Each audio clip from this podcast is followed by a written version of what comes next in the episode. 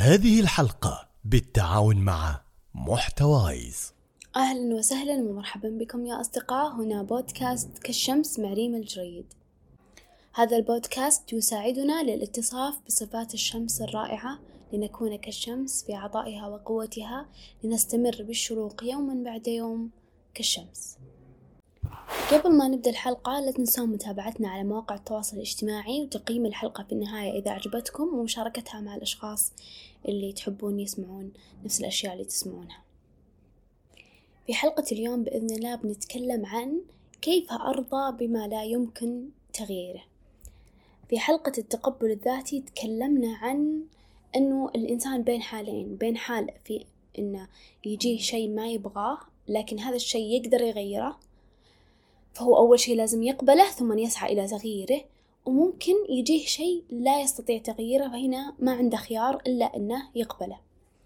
لكن اليوم نتكلم عن درجة أعلى من القبول ألا وهي الرضا. كيف أرضى؟ بما كتب الله لي من أقدار أو من مصائب أو من أشياء وهذه الأشياء لا أستطيع تغييرها. طيب قبل ما نبدأ لازم نعرف إيش معنى الرضا أو إيش تعريف الرضا. هنا يقول لك الرضا في اللغة ضد السخط ومنه قوله صلى الله عليه وسلم بالحديث الصحيح اللهم إني أعوذ برضاك من سخطك. ويراد به تقبل ما يقضي به الله عز وجل من غير تردد ولا معارضة وهو ارتفاع الجزاء في أي حكم كان. ويعرف بأنه سكون القلب إلى قديم اختيار الله للعبد بأنه اختار له الأفضل فيرضى به. وهو باب الله عز وجل الأعظم ومستراح العابدين وجنة الدنيا. قال الله تعالى رضي الله عنهم ورضوا عنه. وهنا نقطة مرة مهمة. هناك فرق بين أن ترضى قدرا وبين أن ترضى إيمانا. بمعنى أن ترضى قدرا كأن تقول لك ليس بيدنا شيء. أما أن ترضى إيمانا فتشكره على قضائه وقدره. لذلك قال علي رضي الله عنه الرضا بمكروه القضاء أرفع درجات اليقين. وهنا أيضا نقطة مهمة. ليس شرط الرضا ألا يحس أو يشعر الإنسان بالألم والمكاره بل ألا يعترض على الحكم ولا يتسخطه. يعني من قلبه ومن داخله يشعر بالرضا. يعني قد ترى شخص يعني باين عليه الرضا والصبر عند المصيبة أو عند الحال اللي هو عايشه ولكن ترى لو تفتش قلبه وتشوف اللي داخله بتلقاه إنسان غير راضي أبدا. فالرضا لازم يكون داخلي وأيضا خارجي. وغالبا يعني الداخل يأثر على الخارج بشكل كبير. هنا لنا في صحابة النبي محمد عليه الصلاة والسلام قدوة حسنة لأنهم كانوا أفضل الناس في الرضا والصبر. وهنا نذكر قصة سعد بن أبي الوقاص رضي الله عنه عندما قدم إلى مكة وقد كف بصره. جعل الناس يهرعون إليه ليدعوا الله لهم. فجعل يدعو لهم وكان سعد بن الوقاص مستجاب الدعوة. يعني معروف عند الصحابة أن سعد بن أبي الوقاص مستجاب الدعوة والآن كف بصره. قال عبد الله بن السائب فأتيته وأنا غلام. جاء هذا الغلام الصغير وسأله قال أنت تدعو للناس فيشفون. فلو دعوت لنفسك أن يرد الله بصرك. فقام يعني كأن الغلام هذا تعجب منه قال أنت مستجاب الدعاء فلو دعيت لنفسك لاستجاب الله وشفاك ورجع لك بصرك. فقام رد عليه ابن الوقاص رضي الله عنه قال يا بني قضاء الله أحب إلي من بصري.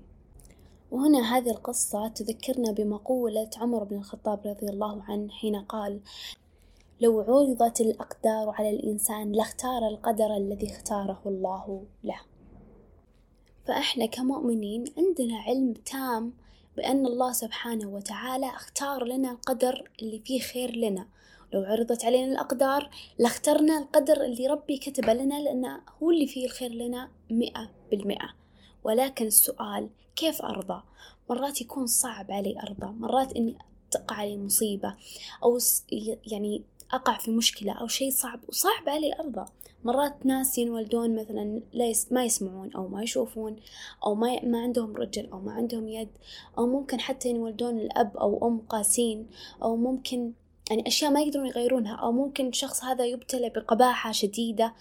أيا كانت الشيء اللي أنت قاعد تعاني منه وما أنت قادر تغيره السؤال كيف أرضى بهذا الشيء وكيف أشكر الله على المصيبة أو على البلاء الذي أعطاني إياه حتى أصل لأعلى درجات اليقين بالله سبحانه وتعالى. طيب قبل ما نجيب على سؤال كيف أرضى أول شي نبغى نعرف وش أهمية إني أنا أكون شخص راضي وصابر رغم المصائب أو رغم المشاكل اللي في حياتي. وهنا أنا أقول لكم أن الصبر والرضا هم جوهرة الصفات النفسية والإنسان كل ما كان راضي وصابر كل ما كان مستقر نفسيا أكثر وكل ما كانت الصفات النفسية الأخرى يعني متصلة في هذه الصفة الأساسية أو الصفتين الأساسية. فالصبر والرضا قد لا يحل المشكلة وقد لا يقدم أو يؤخر ولكنه يجعل نفسيتك أفضل. سعادتك مستوى سعادتك ومستوى رفاهيتك أعلى لأنك راضي وسعيد وشاكر وصابر من الداخل. الصبر والرضا يغير نظرتك للحياة. أشياء ممكن قد تراها مهمة تلقاها تغيرت الآن وصارت غير مهمة بالنسبة لك. فكل هذه الأشياء هي أشياء الصبر والرضا. إذا مارسناه في حياتنا راح تتحقق في حياتنا وراح تزيد يعني جودة حياتنا بشكل أكبر إذا كان عندنا هذه الصفات الجوهرية بشكل أساسي. طيب نرجع لسؤالنا الأهم ألا وهو كيف أصبر؟ طيب أول شيء المؤمن أو الإنسان بشكل عام لازم أول شيء يكون عنده معرفة وبالتالي يعمل على أساس هذه المعرفة. ما ينفع الإنسان يعمل على جهل. فأنت أول شيء تتعلم عن الصبر. ما هو الصبر؟ ما هو الرضا؟ كيف أرضى؟ كيف أصبر؟ وتتعلم هذه المعلومات وهذه الأساسيات ثم بعدها تذكر نفسك فيها بشكل دائم ومستمر لأن الإنسان بطبيعته يحتاج إلى التذكير والتكرار ثم بعدها تنتقل إلى العمل والتطبيق. يعني الحين إحنا ببداية الحلقة ذكرنا أهمية الصبر وذكرنا أن القضاء الذي اختاره الله لنا هو دائما الأفضل وهو دائما الأحسن لنا. ذكرنا زي اللي ليش إحنا المفروض نصبر. الآن نبغى نعرف كيف نصبر أو الطرق المناسبة أو الطرق اللي إحنا نمارسها عشان نصبر ونرضى. أول شيء لازم يكون عندنا مفهوم اسمه مفهوم التصبر. بمعنى من يتصبر؟ يصبره الله. فأنت حتى لو إن أنت ما أنت صابر في هذه اللحظة أو ما أنت راضي لكن كأنك تمثل أنك راضي أو أنك صابر إلى أن تصل لمرحلة أن الله يصبرك ويرضيك. حتى في عبارة الأجنبية الشهيرة fake it until you make it أنه أنت آه، مثل حتى تصل لمرحلة أنك يعني تكون قاعد تأدي هذا الصبر أو الرضا بشكل واقعي وحقيقي.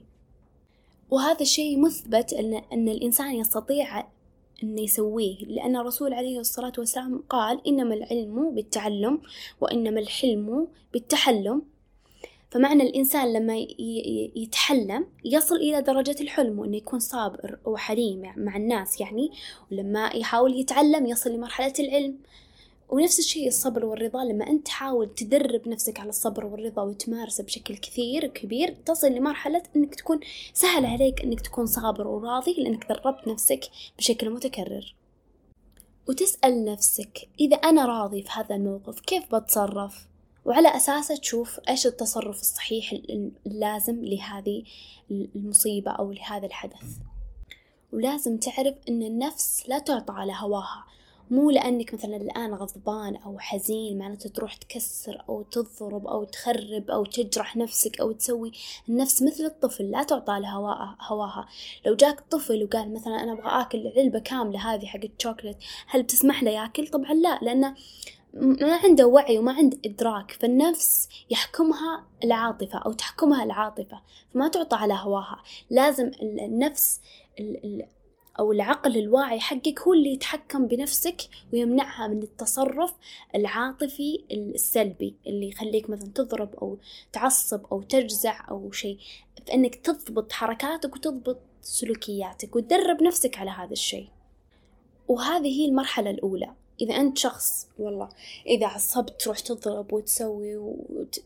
يعني تخرب أو ترفع صوتك أو أو أو أنت لازم تدرب نفسك على أنك تغير هذه التصرفات. أولا ثم تبدأ على الداخل. أو ممكن تبدأ بالداخل لأن الداخل ممكن ينعكس على الخارج لكن أنا أشوف أنه أسهل أنك تشتغل على الخارج ثم تعمل على الداخل. يعني خلاص أنا ضبطت سلوكياتي عرفت إني إذا جيت أعصب ما راح أكسر ولا راح أسوي ولا راح أصرخ. بكتم في داخلي وبسكت.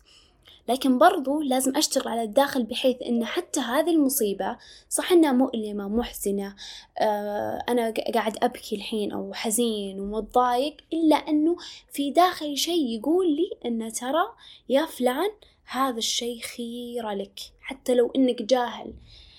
بحكمة الله في هذا الموقف وتحس أنه مو خيرة وأنه متضايق منه وزعلان ومعصب إلا أنه في شيء دائما داخلك يذكرك أن هذا الموضوع خيرة لك مئة بالمئة وفي الخير لك دائما.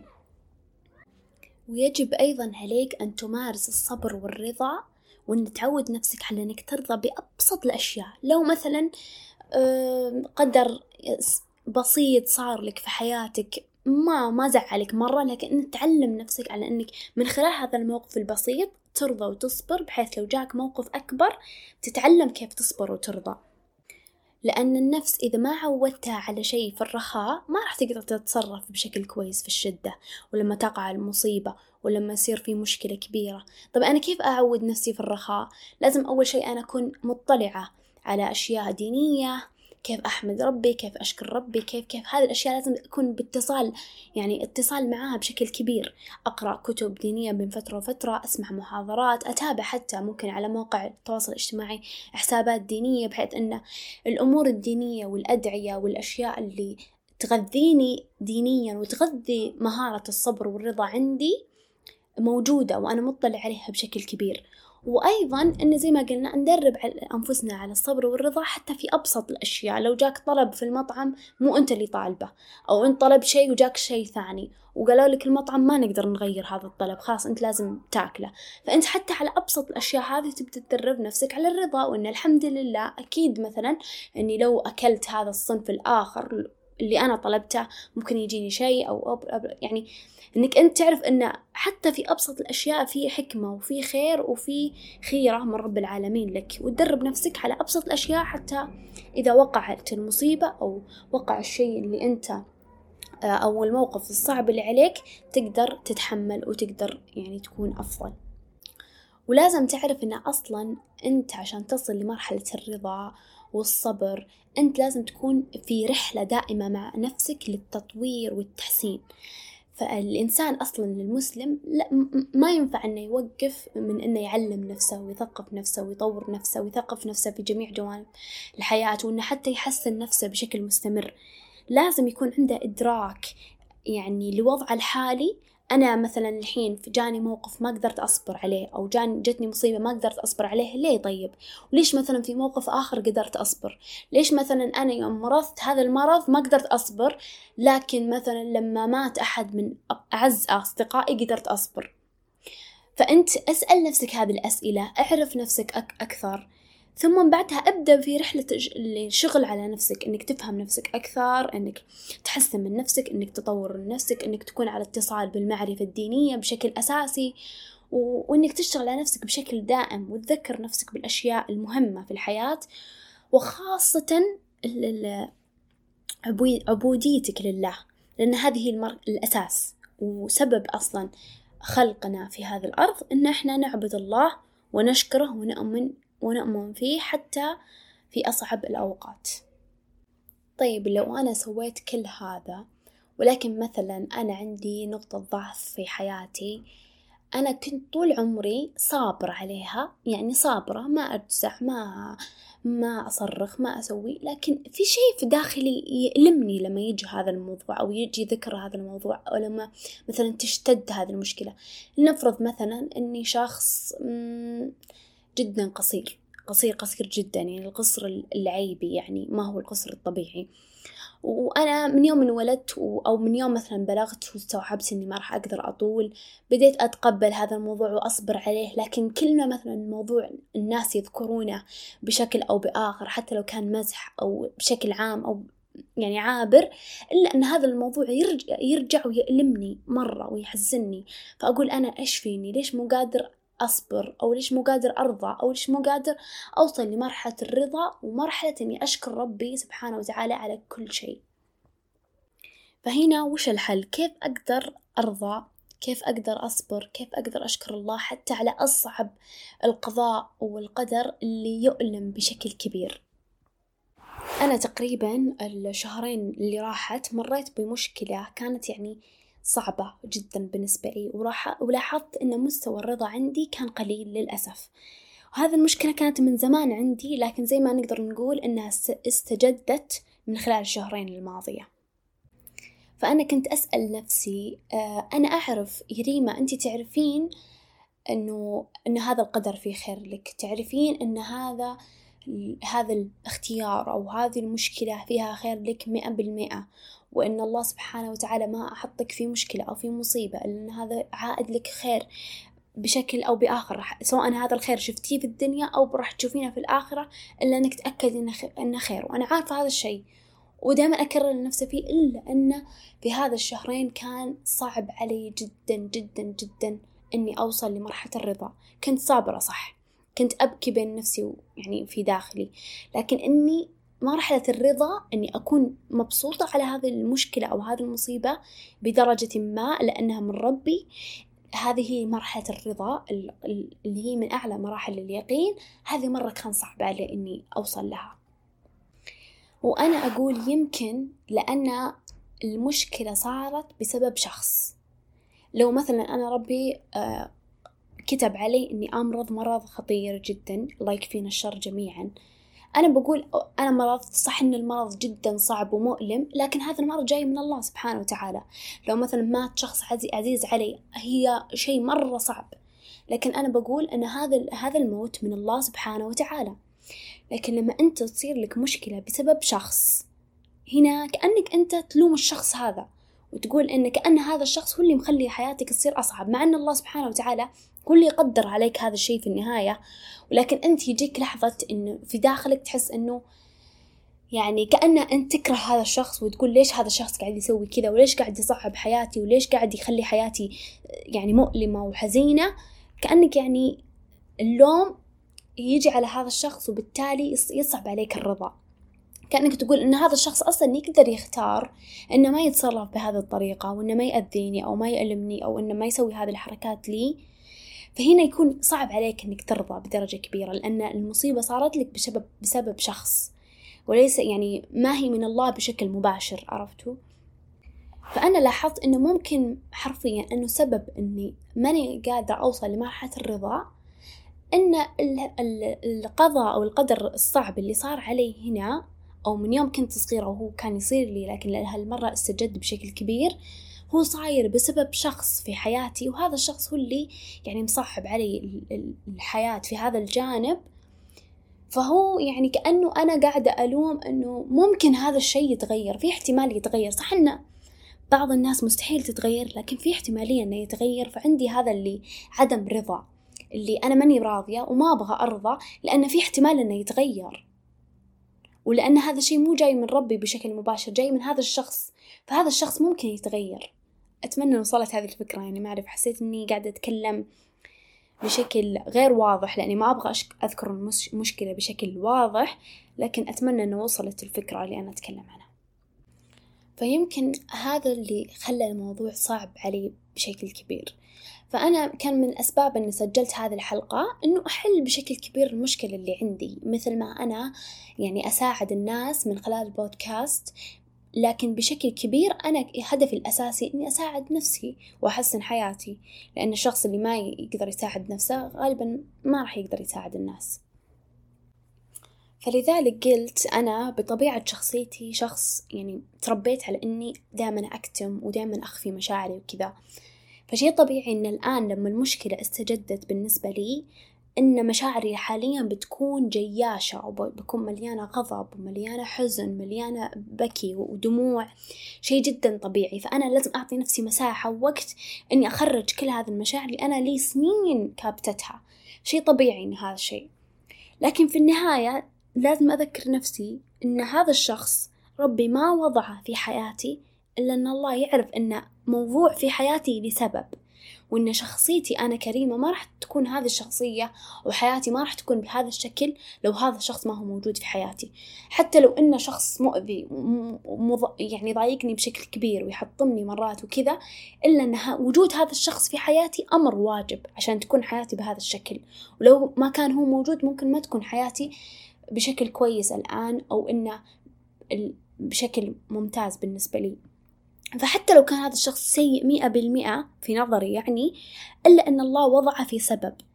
وجوده مثلا ممكن يخليني أقرب لله سبحانه وتعالى ممكن يخليني مثلا أنجح في مجالات ممكن إنه يخليني مثلا أفهم الناس بشكل أكبر.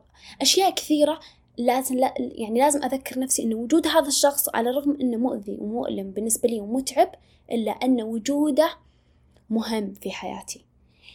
لأن الله هو اللي حطه ولأن الله هو اللي يعلم الغيب. الله هو اللي يعلم وش اللي أفضل لي كريمة وأنا الآن يعني إلى يومكم قاعدة أحاول إني في مرحلة التخلص من المشاعر السلبية على قولتهم إنه قد ما أقدر إنه أحاول أرضي أو يعني أخرج مشاعر السلبية اللي في داخلي بطريقة الكتابة بطريقة مثلا إني أعيش الحياة بطريقة إني مثلا أشوف الناس اللي أقل مني وغيرها عشان من جوا خاطري يطيب نوعا ما. لين أقدر بشكل غير مباشر أو غير مباشر إني أرجع لحياتي الطبيعية وأقدر أتعامل مع هذه المشكلة ومع هذا الشخص بشكل طبيعي زي ما كنت قبل أو ممكن حتى أفضل؟ لأني الحين صرت يعني يعني قادرة إني أخرج مشاعري بشكل سليم وفي نفس الوقت قادرة على إني أكون راضية. وهنا في ختام هذه الحلقة بذكر لكم نصائح تساعد أو أمور يعني تساعد على زيادة الرضا والصبر أو تضعف عندك زيادة الصبر والرضا. أول شيء إذا غذيت قلبك بأحلام وردية. إذا أنت دائما إنسان يشوف الحياة إنه لازم مية بالمية تصير زي ما يبغى وإنها تصير كاملة زي ما هو يبغى وزي ما هو مخطط هذا الشيء يخليك شخص يعني ساخط وغير راضي.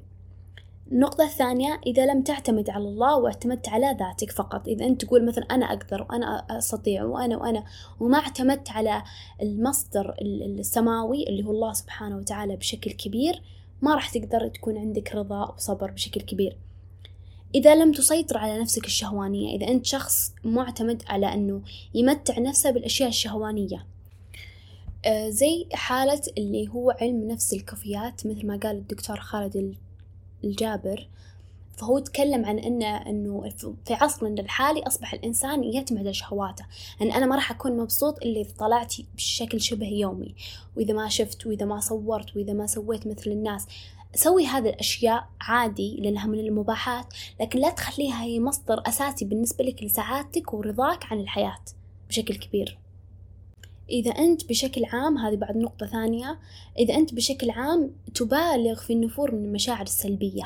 يعني ما تبغى أنك تكون حزين ما تبغى أنك تكون متضايق مع أن هذا طبيعة من طبيعة من من طبائع الحياة أو قانون من قوانين الحياة أن الإنسان مرات يحزن ومرات يتضايق. يعني هذا جدا طبيعي. إذا ما مارست الصبر والرضا في الرخاء زي ما ذكرنا سابقا مثل الجيوش الجيوش هم يتدربون ويستعدون للحروب حتى في أوقات الرخاء. يصرفون أموال وجهد وطاقة وسيوف يشترونها وأسلحة كلها عشان يتدربون في وقت الرخاء بحيث لما يكون لما يجي الحرب يكونوا مستعدين. هل بيقدرون يكونوا مستعدين في الحرب إذا هم أصلا ما تدربوا في الرخاء؟ زيها زي الصبر والرضا. إذا أنت مو قاعد تمارس الصبر والرضا في حياتك اليومية اللي هو رخاء بالنسبة لك ما راح تقدر تتصرف بطريقة رخاء وصبر. إذا أنت مريت بمشكلة أو مصيبة. طيب آه، تأثير أيضا نمط الحياة آه، سلبي علينا بشكل كبير. نمط الحياة الآن سريع جدا. أنت من خلال مواقع التواصل الاجتماعي توصل لأي أحد وأي معلومة بشكل سريع. فهذا ما يخلي عندك صبر ورضا بالحياة. ممكن حتى تشوف الناس على موقع التواصل الاجتماعي وتشوف حياتهم تشوف جمالهم تشوف تشوف تشوف ما عندهم فيخليك غير راضي وغير سعيد وغير صابر للأشياء اللي عندك. مع أن مواقع التواصل الاجتماعي غالبا أو دائما ما يظهرون الجانب السلبي في حياتهم بس فقط يظهرون الجانب الإيجابي من حياتهم والجانب السعيد. فإحنا لما نشوفهم نقول مثلا ليش إحنا بس اللي عندنا مشاكل؟ وليش إحنا اللي عندنا مصائب والناس ما عندهم؟ تعالى الله سبحانه وتعالى عن مشاعرنا هذه. ولكن إنه ترى ذكر نفسك دائما أن الحياة الموجودة على الإنستغرام ولا على التيك توك ولا على أي برنامج إنها ما هي حقيقية. مو قاعدين يظهرون الجوا... جميع جوانب حياتهم من مشاكل ومن مصاعب ومن ظروف صعبة وغيرها. وأيضا نقطة لما أنت ترفع استحقاقات الرفاهية بالنسبة لك بمعنى أنك مثلا تقول ما راح أكون سعيد أو راضي إلا إذا وصلت لهذا المنصب. ما راح أكون سعيد أو راضي إلا إذا كل يوم قهوتي صارت من هذا المقهى أو من مقهى معين ولا إذا ما راح أكون سعيد وراضي إلا إذا كان معي آخر موديل من الجوالات الآيفون. لما ترفع استحقاقات الرفاهية بالنسبة لك مع أنها يعني أنت تقدر حرفيا تكون سعيد بدون هذه الأشياء. لو وجدت هذه الأشياء هي بتزيد من نسبة سعادتك لكن ما هي ما راح تكون هي المصدر الأساسي لسعادتك. فلما ترفع هذه الاستحقاقات الصبر والرضا اللي عندك بيكون ضعيف جدا. أيضا وآخر نقطة ويمكن من أهم النقاط بالنسبة لي الصحبة. لما أنت تعيش مع صاحب أو أخ أو شخص يعني تجالسه لما أقول صاحب معناته يصاحبك في الأوقات في أغلب الأوقات. فالصاحب هذا ممكن يكون أب أو أم أو أخ أو أخت أو صديق أو أيا كان بس يقضي معك وقت طويل يعني. هذا الشخص لما يقضي معك وقت طويل وهذا الشخص بطبيعته إنسان ساخط ما يحمد الله على شيء دائما يتذمر دائما ما عندنا ما ما أكلنا ما شربنا ما سوينا ما طلعنا ما سوينا زي الناس ما فعلنا. هذا الشخص بطب شيء جدا طبيعي بيأثر عليك ويأثر على تفكيرك بشكل كبير. حتى لو ما لاحظت أنت إلا أنه بتلاقي أنه بعض تصرفاتك وبعض أفكارك بتتأثر من خلال هذا الشخص لأنك مصاحبة أنت في أغلب أوقاتك. وختاما تذكروا أن الإنسان ما يقدر يصل لمرحلة الرضا والصبر بشكل تام أو كامل مئة بالمئة. الإنسان دائما بيكون في رحلة في إصلاح نفسه رحلة في إنه يساعد نفسه على إنه يكون أكثر صبرا أكثر رضا. فأنت لا تتوقف في هذه الرحلة استمر في تطوير نفسك وتحسينها وتعليمها وتمرينها وتدريبها وتحسينها. كل هذه الأشياء بتعود عليك بما ينفعك. بالمستقبل بإذن الله أو لما تقع المصيبة. وشكرا لكم. نلقاكم بإذن الله في الحلقة القادمة.